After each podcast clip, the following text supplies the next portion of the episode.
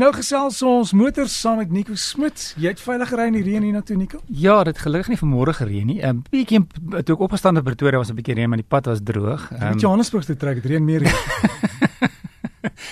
ek moet sê as ek as ek in die oggende by die huis hiernatoe ry en dit reën, is ek altyd redelik benoud want dan weet ek dis chaos en gaan ek op tyd hier aankom want in die reën ry mense redelik onverskillig. So, ehm um, jy moet maar jou jou spoed aanpas ehm um, en jou jou af, afstand aanpas in die reën. So ek is altyd as dit as dit as dit reën, as ek altyd bekommerd ek gaan laat wees.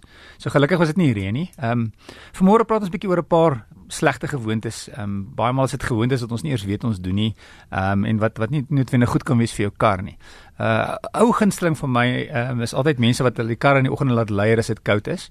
Um om die kar warm te maak en dis verseker 'n um, baie slegte gewoonte want die meeste wrywing in die in die voertuig is is is wanneer die kar koud is en wanneer die olie koud uh, wanneer die olie koud is. So die beste wat jy kan doen is maar om die, eenvoudig in die kar te klim en in stadig te ry, die temperatuur dop te hou en wanneer die kar se temperatuur is wat dit gewoonlik is met ander wanneer die kar warm is, dan kan jy maar die kar effektiewelik ry soos jy wil want dan is daar geen weerstand nie. So dit is goed om deur die deur die revolusies van die engine te gaan, maar as die kar koud is, moet hom nie warm ry nie en as hy koud, koud is, moet nie die kar laat leier om hom warm te maak nie. So wil jy vir my sê die mense wat die kar aansit en hom laat luier en gaan koffie drink en terugkom dit dis baie dis, nee, dis regtig nie baie goed nie. Dis dieselfde om te sê weet hierdie is 'n goeie kar, was 'n ou tannie se kar. Hy's net winkels toe en terug.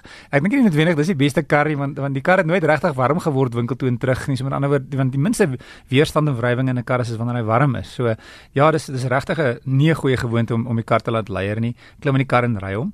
En 'n uh, ander ding van nuwe kar, ek weet nie of mense bewus is nie, jy moet 'n nuwe kar moet ingery word. Baie mense, ek hoor dit gereeld, hulle sê wel is 'n nuwe kar en hy is erns en die fabriek het hulle die, die kar ingery, maar alhoewel die engine um, meeste van die die engine word gewoonlik getoets en en en, en die die engine het nie regtig die res van die stelsel getrek. So die engine het nie deur die ratkas gewerk en die dryfas en die en die ewenaar en die wiele nie. So dis nodig om jou kar in te ry. Elke vervaardiger dan 'n in die hand uh, eienaars skryf dan duidelik wat om te doen. Ehm um, so dis gewoonlik so 1000 tot 1500 km uh wat jy jou kar moet inry en dan gewoonlik wil hulle nie hê in daai tyd moet jy die revolusies meer as kom ons sê 2/3 van die revolusies. So as die kar tot so 6000 revolusies, die engine gaan nie meer as so 4000 nie. Moenie sleep in die as jy as jy 'n nuwe kar het nie. Ehm um, verkieslik nie lang pad nie, dis beter om stad te ry, stop ry, stop ry en en bietjie dan lang pad so om dit alles af te wissel is die beste manier. Dis nie noodwendig beteken jou kar gaan nie werk nie, maar in die lang duur is val as jou kar gaan lank hou, is dit eintlik beter om jou kar in te ry. Ek weet byvoorbeeld toe ons by BMW was met opleiding het ons die eerste 1000 km het, het, het hulle die karre ingery vir ons die kar op die baan gery. So natuurlik, jy kan dink um, by BMW ehm um, se so opleiding op die baan ehm um, op Kyalami is die karre het regtig hard gewerk, maar dit seker gemaak die karre het 1000 km op en hulle is ingery vir ons met hulle begin ry het op die baan. En dan my gevoel is as die kar regtig warm is, is dit goed om die hele revolusies van die engine te gebruik. Nie net altyd so tot 2000 of 3000 revolusies nie, maar as die kar warm is tot by 6000 revolusies of jou diesel tot by 3800 revolusies. So gaan deur die revolusies die engine gewoond raak om in al die revolusies te werk. Ehm um, ander een wat wat wat ek baie hoor, baas verskillik baie turbo engines vandag. So ehm um, ek sou omtrent sê om draai 70% van engines is is, is turbo engines. Ehm um, en ja, maar jy, jy kry die plakkertjies te koop en plak jy dit net op. Ja, of of iets wat jy in die, in die uitlaatpyp sit wat so wat so 'n turbo klink. Ja, ja, as jy wil mense beïndruk is dit is dit 'n opsie, maar uh turbo engines ehm um, ehm um, toe uh, van die heel eerste turbos in Suid-Afrika was daai Isuzu KB280 diesels.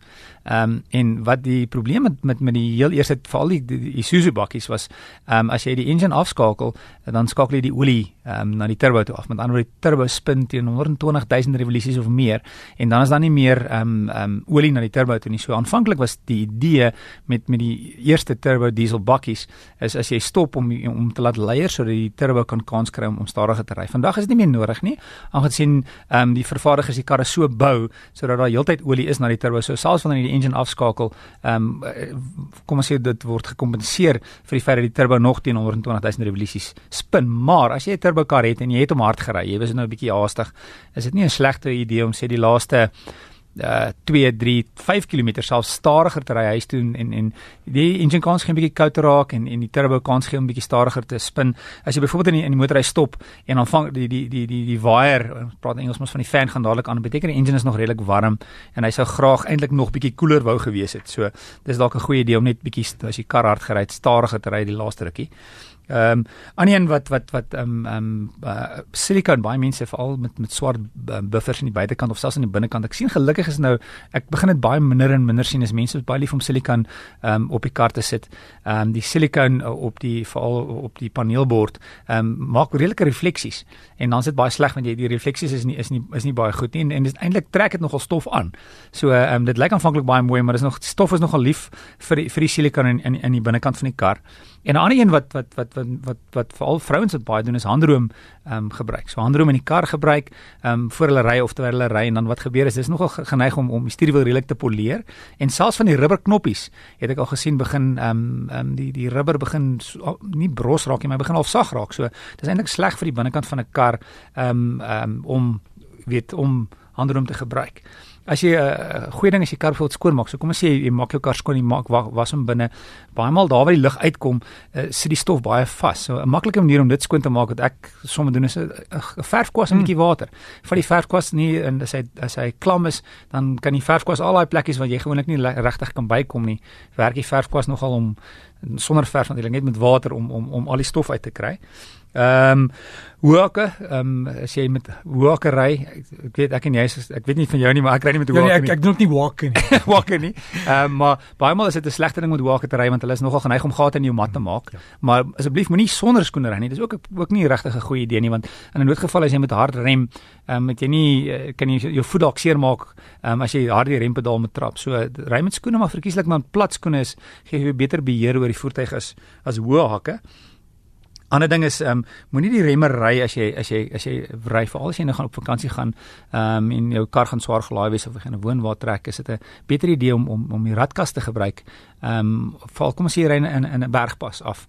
Is eerder beter om na tweede rad of derde rad te gaan en die engine revolusies te gebruik. Ehm um, ons praat in, in die kompressie van engine basies te gebruik om te rem in plaas van hard op die remme te lê want dit kan baie maal gebeur as val as daar baie gewig is dat ehm um, daar ehm um, die die remme begin warm word en dan begin die ons praat in Engels ons sê die pedaal raak so of spongy hy raak so die pedaal voel soos 'n spons en dan is jy besig uh, is 'n redelike gevaarlike situasie dan want jy is besig om om die remme die rem vermoë die kar verloor verloor sy rem vermoë. So as jy die ehm um, die radkas gebruik gaan dit jou definitief ehm um, die remme spaar effektiewelik en die kar jy het meer beheer oor die kar.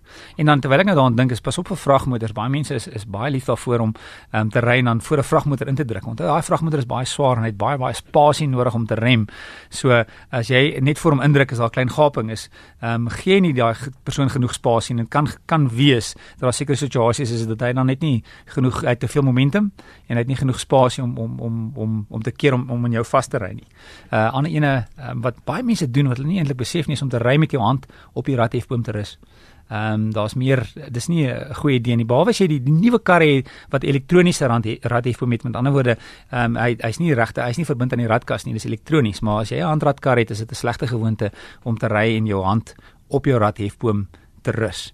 Ehm um, en laaste ene is is ehm um, tank volmaak. Ehm um, ek het al voorheen dink ek het daaroor gepraat. Uh, Veral as jy op vakansie gaan, dan wil jy soveel as moontlik brandstof uh, in daai kar kry. So ek sien al dan al hoe skit hulle die karre om, om meer brandstof in te kry. Maar onthou, as jy die brandstof ehm um, tank vol maak is daar nog 'n pyp wat 'n hele paar liter kan vat. So wat aanvanklik gebeur is jy maak die tank vol so wanneer hy die die die brandstof ehm um, pomp wanneer hy daai eerste klik maak. Ek sê gewoonlik vir die vir die petroljoggie as hy klik, hou asseblief op want wat gebeur as jy verder vol maak, jy besig om die pyp vol te maak. Ehm um, en dit kan gebeur as jy um, 5 km verder 'n ongeluk het, is daar 'n klomp brandstof wat nou nie beskermd is soos in die kar se brandstoftank nie en dit kan baie gevaarlik wees. So jy gaan nie regtig eweskielik nou 300 km verder ry met daai 5 liter nie of 3 liter hoeveel ook al in die pyp is nie, maar dit is definitief baie gevaarliker. So maak eerder vol tot by die eerste klik. Ehm um, dis definitief veiliger. Baie dankie en volgende week vir ons 'n paar wenke saambring vir die kersseisoen asseblief. Dis reg. Ja, ons 'n bietjie praat oor ehm um, as jy as jy op vakansie gaan, ehm um, wat is 'n paar wenke vir die langpad? Ehm um, hoe om jou kar se jou jou, jou woonwa of jou sleepwa te pak. Ehm um, so ja, ons 'n bietjie daaroor praat. En as jy warm streke toe gaan, maak seker jou lugreëling werk. Ja, ja, dis om sleg jy snaaks ons gewoond geraak het. Vroeger was dit regtig nie 'n probleem nie, maar nou kan sonder lugreëling is dit nogal 'n lang pad um, op vakansie.